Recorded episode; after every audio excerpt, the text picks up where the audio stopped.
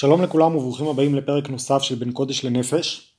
אני רוצה הפעם להמשיך את שני הפרקים הקודמים שעסקו בכתביו ובאגרותיו של החזון איש, והפעם אני רוצה להתמקד בתיאורים שלו אודות החוויה של לימוד התורה, כאשר התיאורים הללו של החזון איש מספקים לנו פתח גם לעולמו הפנימי האישי, וגם נותנים לנו תיאור של חוויה דתית מאוד מאוד מקורית ופרדוקסלית ומרתקת לדעתי, שפותחת גם פתח להבנה כיצד דווקא במקום הכי קדוש והכי עליון במצוות, דווקא שם יש מקום לביטוי הייחודי האישי האינדיבידואלי של כל אחד, זאת אומרת בלימוד התורה יש לאדם הלומד מקום מאוד אישי ומאוד יצירתי שמאפשר לו לבטא את ההבנה שלו ומטיל עליו בעצם גם חובה לפתח אותה בהתאם ליכולות ולכישורים ולהתבוננות שלו. ביחס לחוויה הדתית באופן כללי, ויליאם ג'יימס בספרו החוויה הדתית לסוגיה כותב שהדת היא רגשותיו, פעולותיו וחוויותיו של היחיד בבדידותו, במידה שהוא רואה את עצמו כנמצא ביחס אל האלוהי. יהי אשר יהיה הדבר שהוא חושבו לאלוהי, והואיל ויחס זה יכול להיות מוסרי, גשמי או פולחני. ג'יימס מדגיש שהחוויה הדתית קשורה ליסוד הרגש, והוא אומר גם שהאינדיבידואליות יסודה ברגש. אני חושב שכל אחד באופן אינטואיטיבי מחבר בדרך כלל את מושג החוויה לרגש. אבל החוויה הדתית היא לא רק רמות שונות של ריגושים ואקסטזות, אלא כפי שאני רוצה להראות היא יכולה גם ללוות תהליכים שכליים קוגנטיביים שבמבט ראשון יכולים להיראות לנו פעולות יבשות וחסרות חיות. ג'יימס מתייחס גם לנקודה הזו ואומר מצב האמונה אפשר שלא יהיה עמו אלא מצער שבמצער של תוכן השכלי. אבל בשעה שתוכן שכלי חיובי מתחבר למצב אמונה, הרי הוא תובע את חותמו על האמונה ללא יימחק עוד. וכפי שאמרתי אני רוצה לעסוק בדברי החזון איש וגם בדברי הרב סולובייצ'יק שמחזק את דבריו ובתיאורים שלהם אודות מצוות תלמוד תורה הם בעצם ממשיכים מסורת קיימת אבל הם מספקים לנו תיאורים שיוצרים חוויה דתית מאוד ייחודית. בדרך כלל בחקר הדת בתקופה האחרונה חוקרים בעשרות שנים האחרונות אז יש התייחסות בדרך כלל לניסיון להגדיר מהי מהותה של החוויה הדתית, מה מייחד אותה ומבדיל אותה משאר החוויות שבחיינו ויש למשל שני, שני כיוונים שנמצאים בספרי המחקר כאשר אחד מהם הוא מיסטריום טרמנדום זאת אומרת מסתורין נורא.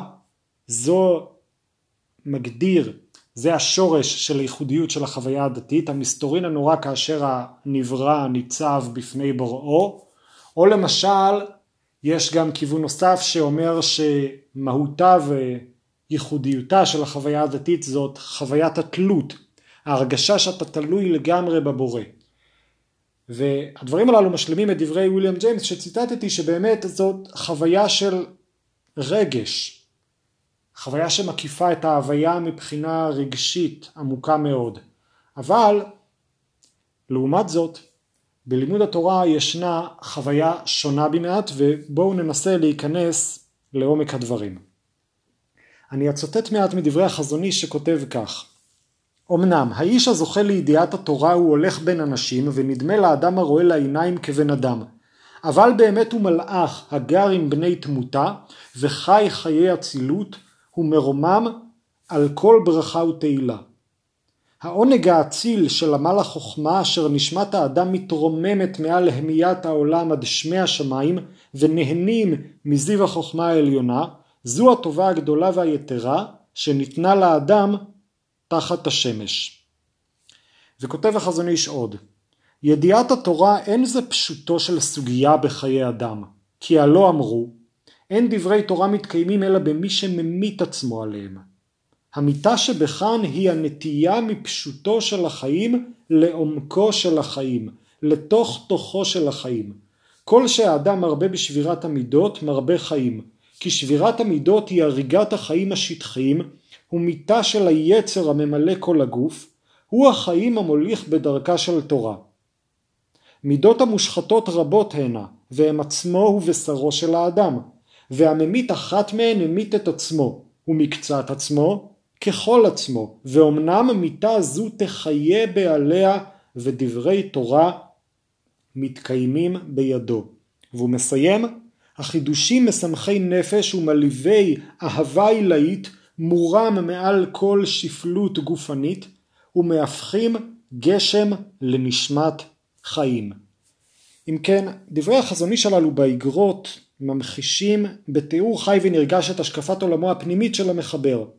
לדבריו חוויית לימוד התורה בצורה הנכונה מחוללת מהפך בחיי הלומד ומשנה את מהותו. מקור הדברים לכאורה הוא המשנה במסכת אבות, בה נאמר כך רבי מאיר אומר כל העוסק בתורה לשמה זוכה לדברים הרבה ולא עוד אלא שכל העולם כולו כדאי הוא לו ומגדלתו ומרוממתו על כל המעשים. דברי המשנה הללו גם היוו את נוסח ההספד שהספיד אחיו של החזון איש את, אה, את החזון איש בהלווייתו. אם כן, החזון איש ראשית כל מציג לנו את הפרדוקס הכותבי של הלומד, כאשר מחד גיסא הוא נדרש להמית את עצמו, לחיות חיי צער ולהסתפק בפת במלח ומים במשורה, ומאידך דווקא מתוך זה הוא מגיע לאותה לאותם חיי עושר שמרוממים ומענגים אותו. המיטה שמתוארת בדברי חז"ל נועדה לאפשר לחלק הרוחני שבאדם לפרוץ החוצה ולהגדיר אותו כבריאה רוחנית. ואומר החזון איש, הלימוד והתפילה קשורים זה בזה. עמל הלימוד עוזר לאור התפילה, והתפילה עוזרת את הלימוד. הלימוד בעצלתיים מונע תפילה.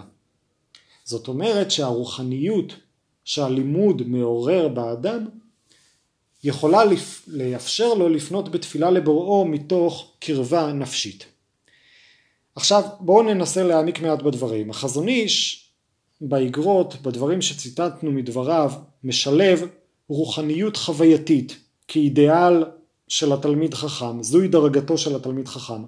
אך יחד עם זאת הוא מדגיש את הגישה הליטאית יותר, ששמה בראש מעייניה את הלימוד השכלי, הלימוד המעמיק, דקדוק ההלכה, וזוהי פסגת ומטרת הלימוד. וזאת להבדיל מהגישה החסידית, הקבלית, שרואה בלימוד תורה דרך לדבקות בבורא ומחשיבה אפילו את העיון בתורת הנסתר ואת ההכנה הנפשית ללימוד על פני הלימוד השכלי המעמיק בסוגיות הלכתיות. הדיון הזה כבר מופיע בספר נפש החיים לרבי חיים מוולוז'ין, תלמידו של הגאון מווילנה, כבר לפני למעלה מ-200 שנה, ושם הוא מרחיב ומסביר ש... יש שלבים, והוא אומר בלתי אפשר בתחילת קביעות לימודו להגיע למדרגת לימוד לשמה כראוי, אלא צריך שזאת תהיה המטרה של האדם בסוף, בסוף התהליך, לשאוף לזה, אבל הוא מסביר שקודם כל העיקר זה הלימוד עצמו, ואסור לדבריו להקשיב לפיתויי היצר שכל עוד המחשבה לא טהורה מספיק, כל עוד הלימוד לא בכוונה מושלמת מספיק אז עדיף שלא לקיים את המצווה או עדיף שלא ללמוד. אלא להפך, הוא אומר שקודם כל חובת האדם זה המעשה. העיקר בכל המצוות הוא חלק המעשה, הן במצוות המעשיות, הן בלימוד תורה, וטהרת המחשבה אינה אלא מצטרפת למעשה. אבל קודם כל צריך לעשות, ולכן האדם ראשית כל צריך ללמוד תורה, יהיה מה שיהיה, לא משנה מה הדרגה שלו, ובאיזו כוונה הוא לומד, ורק העיקר הוא שהוא ישאף להגיע בהמשך ללימוד לשמה. החזון איש מתעקש ומסביר שאם באמת האדם לומד תורה לשמה באופן שבו הוא לא מייחס חשיבות לתאוות הגשמיות וליצרים הטבעיים אלא משקיע את שכלו בעומק ההלכה אזי מתוך כך הוא יגיע לרמות רוחניות נשגבות. והוא אומר שכל סגולות התורה שנאמרו בדברי חז"ל מתייחסות ללימוד העיוני ההלכתי המעשי, לימוד שעוסק בעצם בפרקטיקה יומיומית, הלכות שבת, הלכות תפילה, הלכות ברכות, ולא בלימוד חווייתי מופשט של תורת הנסתר והקבלה. וכך הוא כותב, והלימוד בעיון ההלכה, עד לרדת ההלכה הברורה בכל הסעיפים המסתעפים, הוא לימוד של שנים רבות בשקידה נמרצה, כי הסתגלות העיון הזה הוא תכלית ידיעת התורה, שהפליגו חז"ל שאי אפשר לקנותה בדרך ארעי במיעוט השתדלות. ואמרו שהתורה נקנית ב-48 קניינים וכולם יציאה מדרך הטבע והרגל האישיות להיכנס בדרכי השלמות. והוא מוסיף ואומר, איך צריך ללמוד? לחזור על אתר כמה פעמים ולדקדק בדברים שאין השכל נהנה מהם בתחילתם, ואדרבה מכבידים עליו. אבל העמל הזה הוא עמל התורה אשר כל סגולות לימוד התורה נאמר על עמלה. ואומנם, אחר העמל נפתח שער אורה חדש, אשר השכל מתענג ללא קץ. זאת אומרת, החזון איש מתאר פה מהלך שאדם לומד סוגיות שמשעממות אותו והוא משנן אותן וחוזר עליהן שוב ושוב, סוגיות שעוסקות בפרקטיקות הלכתיות ולכאורה איך מזה הוא יגיע לאיזושהי חוויה רוחנית שתשנה אותו, שתאיר את הנשמה שלו, אומר החזון איש שזו הדרך. עכשיו גם בדתות אחרות, למשל באסלאם הסופי, נוצר פער בין החובות המעשיות של מצוות הדת לבין השאיפה וההשתוקקות של היחיד לחוויה רוחנית, לקרבה לבורא, ומתוך כך נוצרו גישות שלא ייחסו חשיבות עליונה לפורמליות הפרקטית של המצוות, למשל זמני התפילות הקבועים, אלא הם נמשכו יותר לחוויות המיסטיות, הסובייקטיביות, הפנימיות של המאמין, מפני שהדת היוותה עבורם דרך לחוויה רוחנית מופשטת וזו הייתה מטרתם העיקרית. וגם ביהדות ניתן לומר שתנועת החסידות, בעיקר בראשיתה, ובעיקר בזרמים מסוימים שלה, חיפשה בדומה לכך את החוויה הרוחנית, המיסטית, וראתה בלימוד, בלימוד התורה השכלי ובמצוות המעשיות, כלים הכרחיים בלבד, אבל לא מטרה ותכלית. כאשר אנחנו מודעים למחלוקת היסודית בין תנועת החסידות לבין שאר הקהילות, ניתן שבעתיים להבין את דבריו העקביים של החזון איש, שבספרו אמונה וביטחון כותב כך, והנה עומדת לפנינו השאלה מה דינו של תלמיד חכם, מה שמו דורש ממנו, מהי מהותו ובמה כוחו גדול. והוא עונה, והנה בדברים קצרים השכיל הרמה להציג את תמונתו המאירה בקרני הודה, וזה לשונו. שיודע לישא וליתן בתורה ומבין מדעתו ברוב מקומות התלמוד ופירושיו ובפסקי הגאונים. מבואר ששם תלמיד חכם היינו חכם גדול בהלכה, יודע את עומק המשא ומתן של ההלכה על פי המקובל בידינו מדור דור. ואם אינו חכם בזה, אם הוא לא בקיא בהלכה, אף שלמד אגדה וספרי יראה, כל שאינו יודע לישא וליתן בהלכה, אינו בכלל תלמיד חכם, אף שתורתו אומנותו. הדברים הללו משלימים את האגרות ש... ציטטתי מקודם מדברי החזון איש, שמסביר שדווקא הריכוז בפרטים המעשיים של כל מצווה, דווקא העיון השכלי הקוגנטיבי בסוגיות ההלכה, זאת הדרך להשגה של רמה ודרגה רוחנית בעולם הזה. ודבריו ממשיכים בעצם את המסורת הליטאית, את דברי רבי חיים מוולוז'ין, שמגדיר את המושג תורה לשמה בספרו נפש החיים, וכך הוא כותב, מהו עניין לשמה? אז הוא מביא את הדעה שאומרת שלשמה פירושו דבקות גדול ללא הפסק, וגם הוא מביא את דעתם של אותם סוברים שאמרו שעסק התורה בלא דבקות אינו כלום, ודוחה אותם רבי חיים ואומר כך, האמת הברור כי לשמה אין פירושו דבקות, אבל האמת כי עניין לשמה פירושו לשם התורה. מה הכוונה שאתה לומד תורה לשמה? לשם התורה, לידע ולהבין ולהוסיף לקח ופלפול. אמנם ודאי שאי אפשר לומר שאין צריך לעניין עסק התורה שום תואר המחשבה. אבל זה לא העיקר, העיקר הוא ראשית כל ללמוד, להתרכז בלימוד. גם רבי ישראל מסלנט המשיך את דרכו של רבי חיים מוולוז'ין, מתאר במכתב מפורסם את צורת הלימוד בחברותה, והוא ממחיש על פי דברי הגמרא את העליונות של הלימוד העיוני הרציונלי כראשון במעלה בצורת הלימוד. וכך הוא כותב: הלימוד בתורה אשר יקרא לימוד הוא ללמוד בחריפות הדעת, כל אחד מחזיק בכל עוז סברתו. לזאת תורונו חז"ל איך להתנהג, האב ובנו, הרב ותלמידו, שעוסקים בתורה בשער אחד, נעשים אויבים זה את זה, ואינם זזים משם עד שנעשים אוהבים זה את זה. אז מסביר רבי ישראל שהכוונה היא האיבה בראשונה, זאת אומרת המאבק שיש בין הלומדים בשלב הראשון, היא בחינת הלימוד בחריפות הדעת, להגיד ולחזק כל אחד את סברתו הנראה נכון בעיניו. זאת אומרת יש כאן תיאור כיצד נראה לימוד התורה לשמה, כיצד אמור להיראות לימוד ההלכה. אומר רבי ישראל על פי דברי הגמרא שאתה צריך להילחם על הסברה שלך כאילו אתה נלחם על החיים שלך. להילחם על ההבנה שלך.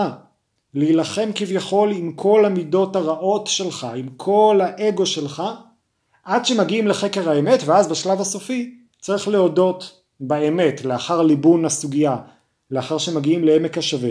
אבל הלימוד הוא לא לימוד שמביא אותך במין שלווה כזו לאיזושהי חוויה מיסטית מופשטת, אלא הלימוד הוא דווקא על ידי חידוד השכל, הלימוד הוא דווקא על ידי מלחמה על ההבנה שלך.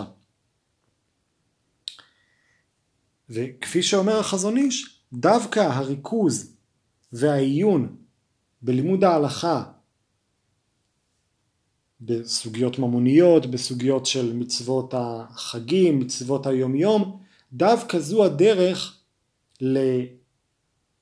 לחוויה רוחנית שמשנה את כל מהותו של האדם.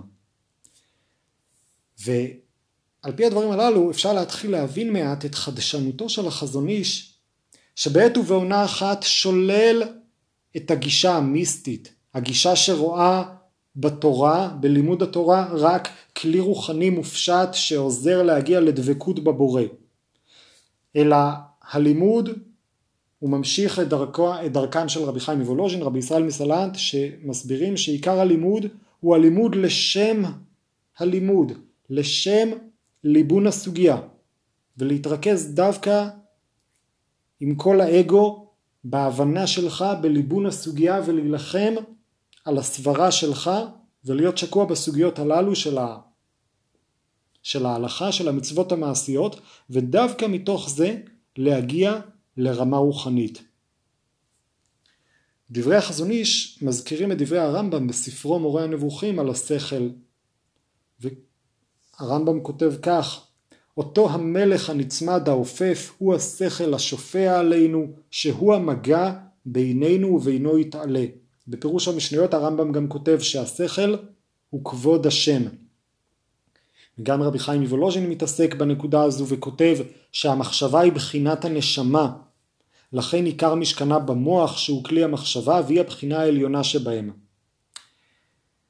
אם כן, הדברים הללו פותחים לנו פתח להבין כיצד דווקא החשיבה, דווקא ההיגיון, דווקא העיון הקוגניטיבי השכלי, יש בו מהות רוחנית, כפי שאומר הרמב"ם, השכל הוא כבוד השם, רבי חיים מוולוז'ין, המחשבה היא בחינת הנשמה, וכך גם אומר החזון איש, הנפש המשכלת אשר באדם הוא רק כוח יולי לקבל צורת החוכמה, והחוכמה אצולת בת מרום הזדווגות היולי והחוכמה.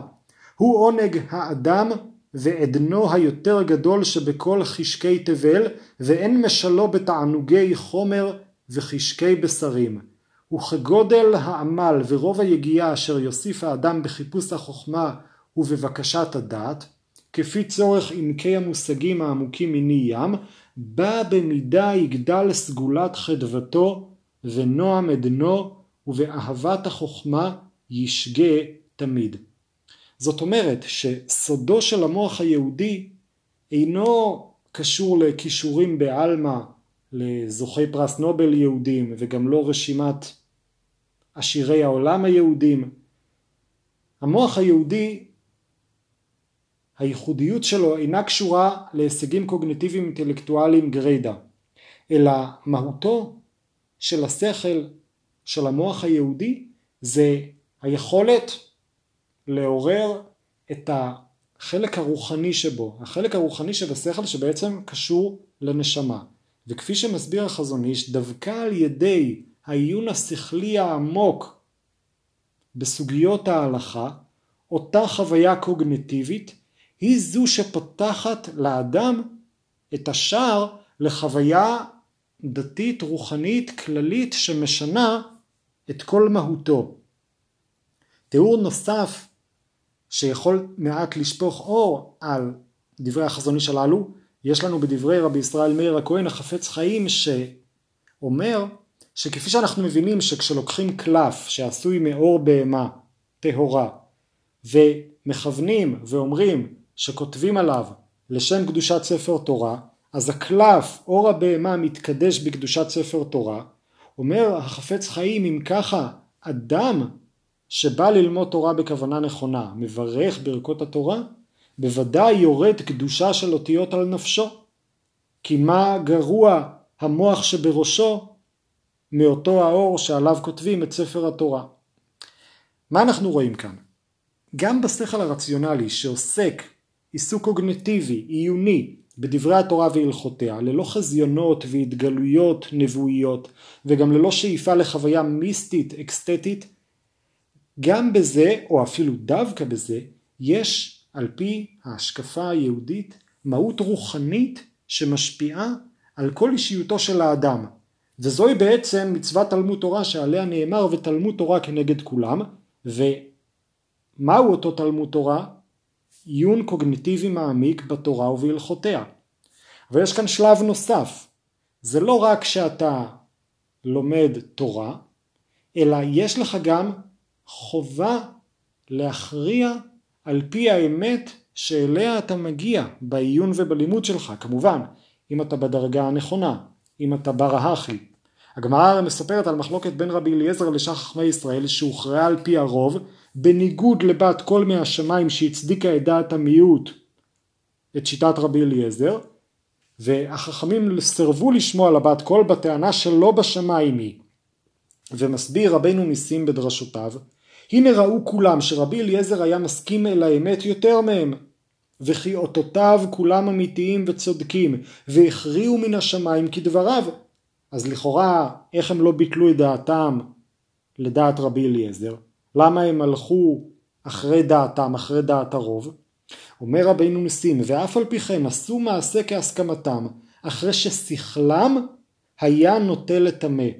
והיו עוברים על דתם אם היו מתארים, כמו דעת רבי אליעזר, כיוון ששכלם נוטה לטמא.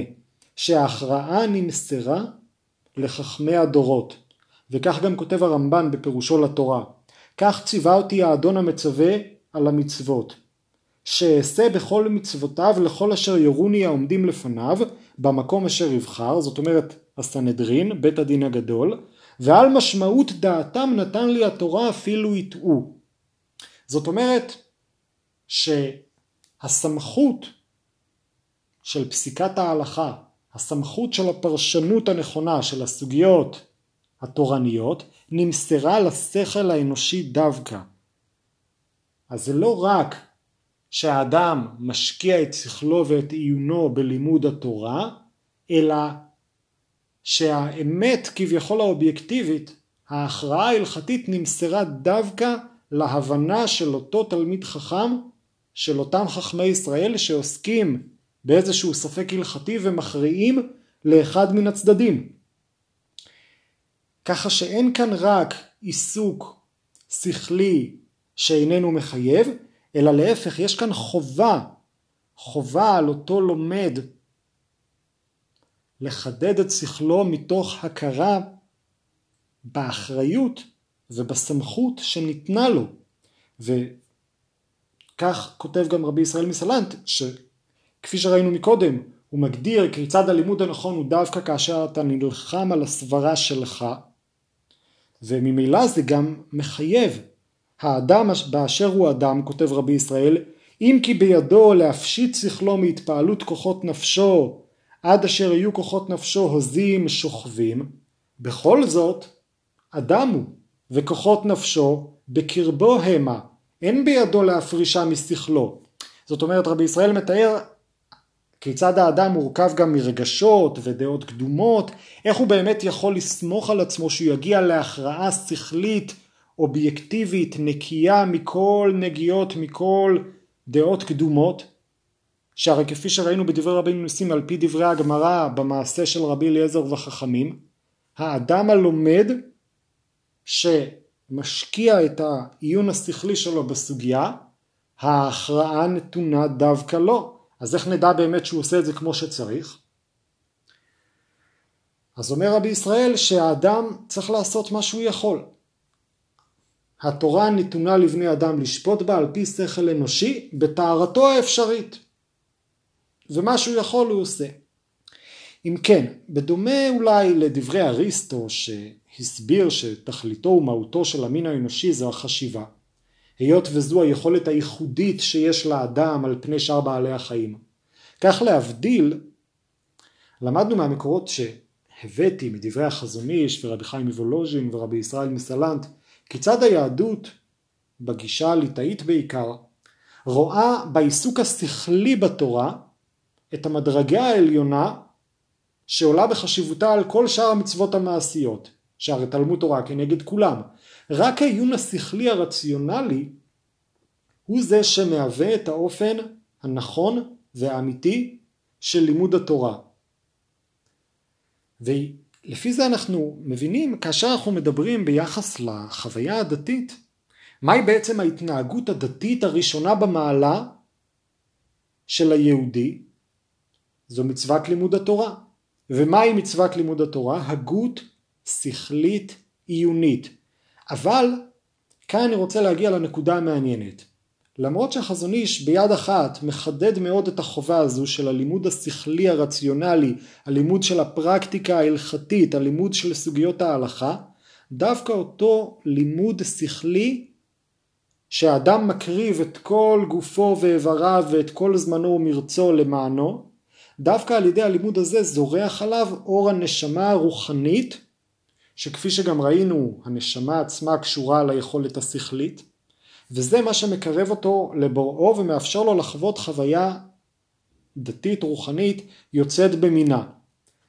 והחדשנות שבגישה הזו טומנת בחובה הסתכלות מרתקת על הקוגניציה האנושית ועל מהותו של המוח שבקודקודנו וגם יוצרת לנו בעצם חוויה דתית מסוג חדש, הרי כפי שפתחתי, אנחנו בדרך כלל מקשרים את החוויה, בפרט החוויה הדתית, לתחום הרגשי. ואף על פי כן, כפי שראינו בדברי החזון איש, החוויה הדתית העליונה עולה דווקא מתוך לימוד שכלי. גם הרב סולובייצ'יק בספרו איש ההלכה מתאר את הנקודה הזו וכותב כך איש ההלכה כשהוא ניגש אל המציאות הרי הוא בא ותורתו שניתנה לו מסיני בידו. מזדקק הוא לעולם בחוקים קבועים וכללים מוצקים. כשאיש ההלכה נושא את עיניו אל האופק המערבי או המזרחי ורואה דמדומי חמה, הרי הוא יודע שזריחה או שקיעה זו מחדשת עבורו דינים, חובות ומצוות. יש להלכה יחס אפריורי לכל המציאות על כל דקדוקיה, פרטיה ותגיה. איש ההלכה מזדקק ליצירה כולה ומתבונן בה מתוך עולם אידיאלי שהוא נושא בתודעתו ההלכתית. הדברים האלו משלימים את הציטוטים שהבאתי מהחזון איש בתחילת דבריי, שכותב שאותו האדם הזוכה לידיעת התורה הוא מלאך הגר עם בני תמותה. החזון איש ראינו שמתאר את העונג האציל של עמל החוכמה שמרומם את האדם עד שמי השמיים. החזון איש מתאר לנו כיצד הלימוד השכלי מרומם את האדם מבחינה רגשית. ולמרות שהחזון איש הדגיש מאוד את הגישה הליטאית שממנה הוא בא, הגישה שרואה בלימוד לא כלי לדבקות רוחנית, אלא קודם כל לימוד שכלי, מעמיק, קוגניטיבי, אף על פי כן היה חשוב מאוד לחזון איש להדגיש בה בעת גם את החוויה הרוחנית הרגשית שמתלווה לאותו לימוד. ובנוגע באמת לפרדוקס הזה שהזכרתי מקודם בין הגישה החסידית לגישה הליטאית, פרדוקס שנמצא גם בדתות אחרות כאשר מחד גיסא יש את המחויבות למצוות המעשיות שבדת ומצד שני יש את הרצון הפנימי להתרומם, לפרוץ גבולות, לחוות חוויות מופשטות ומיסטיות. הרב סולובייצ'יק אם כן בספרו איש ההלכה מתייחס לנקודה הזו ואני רוצה לצטט מעט מדבריו. הנטייה היסודית של ההלכה היא להחזיר את האיכות של הסובייקטיביות הדתית. את תוכן תודעת איש הדת השוטפת חיש מהר כגלי הים ומתנגשת בחוף הריאליות ונשברת בכמויות מוצקות וקיימות. להלכות נטועות כמסמרות אשר כל רוח לא תעקרן ממקומן. הרצון העליון משתקף בין בראי המציאות ובין בראי ההלכה האידיאלית על ידי שיעורים ומידות. אין דתיות סובייקטיבית קיימת וכל אלה השאיפות הנוטות אחר הסובייקטיפיקציה של המעשה הדתי, השוללות מוחשיות וגשמיות של חיי הדת, ומכניסות את האדם לעולם מופשט וזך, שאין בו לא אכילה ולא שתייה, אלא אנשי דת יושבים ועטרותיהם בראשיהם ונהנים מחווייתם הפנימית, מסתערת רוחם, מגעגועיהם הנעלמים ומכיסופיהם המסתוריים, סופם להיבטל. כן? אז הרב סולובייצ'יק מתאר את אותה שאיפה לחוויה פנימית סוערת, לגעגוע וכיסופים מסתוריים, הרצון להשתחרר מהמסמרות הנטועים של ההלכות. אומר הרב סולובייצ'יק זה לא יכול לעבוד. כוחה של הדת התוקף על האדם ומשעבדו וכובשו שולט רק כשהדת היא דת ממשית. דת חיים מוחשיים שיש בהם מראה, ריח, מישוש, דת שבשר ודם מרגישה בכל חושיו, עורקיו ואיבריו, בכל מהותו וישותו. אין ההלכה חוששת למחשבות ספקולטיביות ולהפשטות דקות מן הדקות מצד אחד ולרגשות סתומים, לחוויות עמומות מצד אחר. היא קובעת דין ומשפט בישראל. ההלכה שניתנה לנו מסיני היא האובייקטיפיקציה של הדת, בצורות קבועות ובהירות, בחוקים מוגדרים ומוצקים ובעקרונות מסוימים, היא הופכת את הסובייקטיביות לאובייקטיביות ולחוקיות קבועה. אין אנו זקוקים לכוונות סודיות המכוונות כלפי עולם נעלם, אלא מחשבה פשוטה. איך עושים מצווה, אומר הרב סולובייצ'יק? לקיים במעשה זה מצווה פלונית אלמונית. זו הכוונה הנדרשת. ובשעה שתילי תילים של כוונות וייחודים נערמו על ידי חכמי הסוד, המוליכות את תודעתו של האדם לעולמים, לעולמות נסתרים, איש ההלכה אינו יודע שום דבר על תעלומות כאלה. אנשי הסוד מבקיעים את מחיצת האובייקטיביות והממשיות של המצווה בסירת פלאים שתים הם על פני גלי הסובייקטיביות, שכולה סתומה ביותר. אבל לא כן מידת איש ההלכה. הוא אינו רוצה לנתק את מוטורות הצורה האובייקטיבית ולגדע ברכי ברזל של החוקיות המוצקת. הרב סולובייצ'יק בדבריו החדים מתאר את הניגוד שיש בחוויה הדתית של איש ההלכה לעומת החוויה המיסטית של איש הדת. כפי שאמרתי, ביהדות הניגוד הזה מתחדד בהבדלים בין מקובלים וחסידים לבין הגישה הליטאית ופוסקי ההלכה. וזה מה שמיוחד בדברי החזון איש שכביכול ניסה לאחד את שני ההפכים הללו. וממשיך הרב סולובייצ'יק ואומר, אין ההלכה מעוניינת בעולם טרנסצנדנטי כלל וכלל. העולם הבא הוא עולם שקט ושאנן שכולו ארוך כולו נצח שאדם מקבל בו שכר המצוות שעשה בעולם הזה, ברם אין קבלת שכר פעולה דתית. ולפיכך מבקר איש ההלכה את העולם הריאלי על פני ההוויה הטרנסצנדנטית. כי הרי כאן יכול אדם ליצור ולפעול ולעשות פרי, ושם אין בידו לשנות שום דבר. אומר הרב סולובייצ'יק, ודאי שאיש ההלכה מאמין בעולם האמת, בעולם שכולו טוב, במציאות שכולה רוחנית, אבל כפי שאומרים חז"ל בכמה מקומות, היום לעשותם ומחר לקבל שכרם. התפקיד של האדם המאמין בעולם הזה הוא לעשות, ולעשות אפשר רק מצוות, ולכן למרות התוכן הרוחני הנסתר שיש מאחורי כל מצווה, אף על פי כן הריכוז, כובד המשקל, עיקר העבודה של איש ההלכה נתונה לדקדוק ההלכה, לעיון בעומק הסוגיות. לעומת זאת, אנשי הקבלה, אנשי החסידות, המיסטיקנים, הם משתוקקים לאותה סירת פלאים כפי שמתאר אותה הרב סולובייצ'יק, אותה סירת פלאים שתיקח אותם לעולמות סובייקטיביים, לעולמות נסתרים, לעולמות נעלמים. כביכול הם לא מסופקים באותה פרקטיקה הלכתית, באותו עיון שכלי של לימוד התורה, אלא הם שואפים ליותר, שואפים לבקוע את מציאות האובייקטיביות. ולעומת זאת איש ההלכה, כפי שראינו גם בדברי החזון איש, הוא כן מרוכז כל כולו באותה אובייקטיביות, אותם פרטים הלכתיים יבשים של כל מצווה, של הזמן של כל מצווה, של השיעור והמידות של כל מצווה, של ההידור של כל מצווה, בזה הוא מרוכז.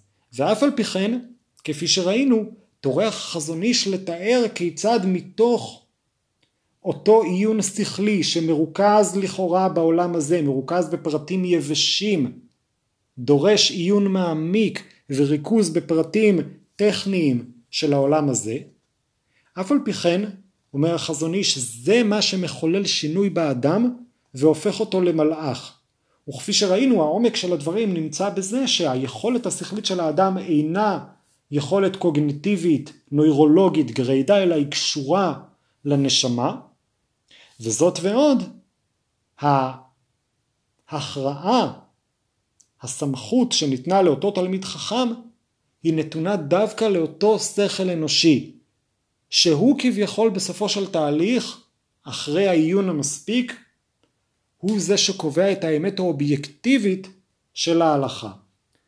ודברי הרב סולובייצ'יק שמתאר כיצד איש ההלכה מעוניין קודם כל בקיום המצוות בעולם הזה ולא בשאיפות מיסטיות מופשטות שמצפות לו בעולם הבא, הן ממשיכות את המסורת הליטאית כפי שמסופר על הגאון מווילנה, מספר זאת תלמידו רבי חיים מוולוז'ין, והוא אומר כך, כי שמעתי מפיו הקדוש שפעמים רבות השכימו לפתחו כמה מגידים מן השמיים. זאת אומרת גילויים רוחניים של השגות בתורה, ובקשתם שרוצים למסור לו רזין דאורייתא, בלא שום עמל. ומספר רבי חיים שהגאון מווילנה לא הטה אוזנו עליהם כלל. ואחד מן המגידים הפציר בו מאוד. כן, ננסה לתאר לעצמנו את הסיטואציה שהמגיד, המלאך, מפציר בגאון שיקשיב ויסכים לקבל ממנו את הגילויים שהוא נשלח לגלות לו. וענה ואמר לו, אמר הגאון מווילנה לאותו מגיד, איני רוצה שתהיה השגתי בתורה על ידי שום אמצעי כלל וכלל, רק עיניי נשואות לו יתברך שמו, מה שרוצה לגלות לי וליתן חלקי בתורתו, בעמלי אשר עמלתי בכל כוחי. וההשגות על ידי מלאכים המגידים ושר התורה אשר לא עמלתי ולא חכמתי, אין לי בהם חפץ. דברי הגאון הללו שמצוטטים על ידי תלמידו הנאמן רבי חיים מוולוז'ין מבטאים כמה עקרונות בנושא החוויה הדתית.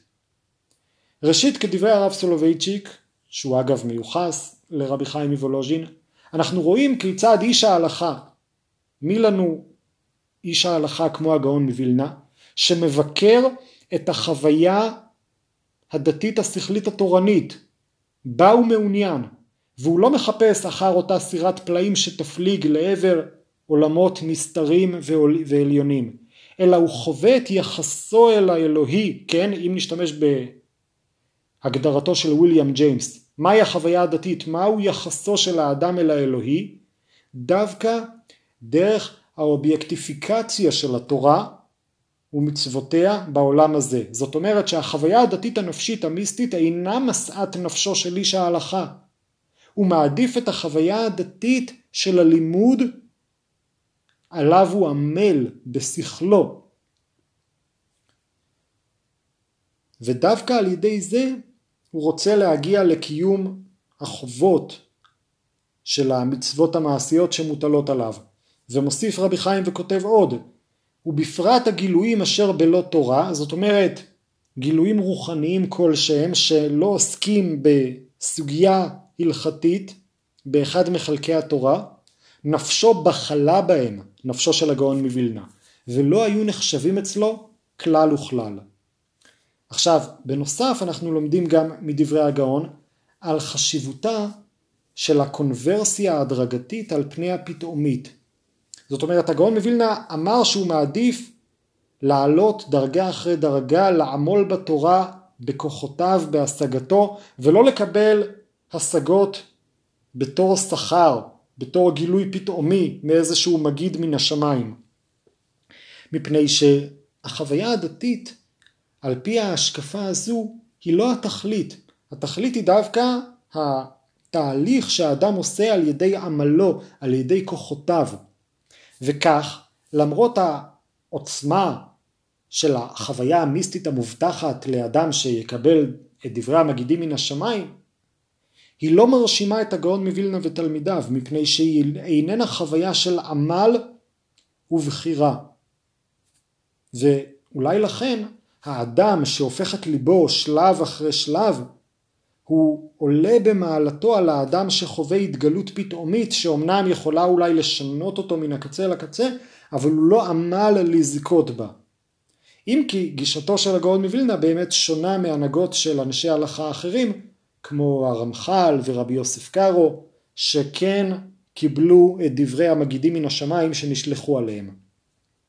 אם כן לסיכום, הדברים שעסקתי בהם היום יכולים לדעתי להוסיף לדברי החוקרים לחקר החוויה הדתית, הציטוט שפתחתי ממנו מוויליאם ג'יימס, ראינו שעיקר החוויה הדתית קשורה בדרך כלל למשהו רגשי, אבל פה אנחנו רואים שלימוד התורה זו חוויה דתית מיוחדת שאינה מוסרית, אינה גשמית, איננה פולחנית, אלא שכלית קוגנטיבית. ראינו בדברי החזון איש שממשיך את המסורת הליטאית ואומר כיצד דווקא עיון שכלי בסוגיות ההלכתיות המופשטות הוא זה שיוצר חווייתיות נפשית אצל הלומד. וכך ראינו גם בדברי הרב סולובייצ'יק שמתאר את איש ההלכה שאינו מחפש סירת פלאים סובייקטיבית שתיקח אותו לעולמות עליונים, אלא הוא חווה את הקשר בינו לבין האלוהי דווקא באובייקטיפיקציה של הדת.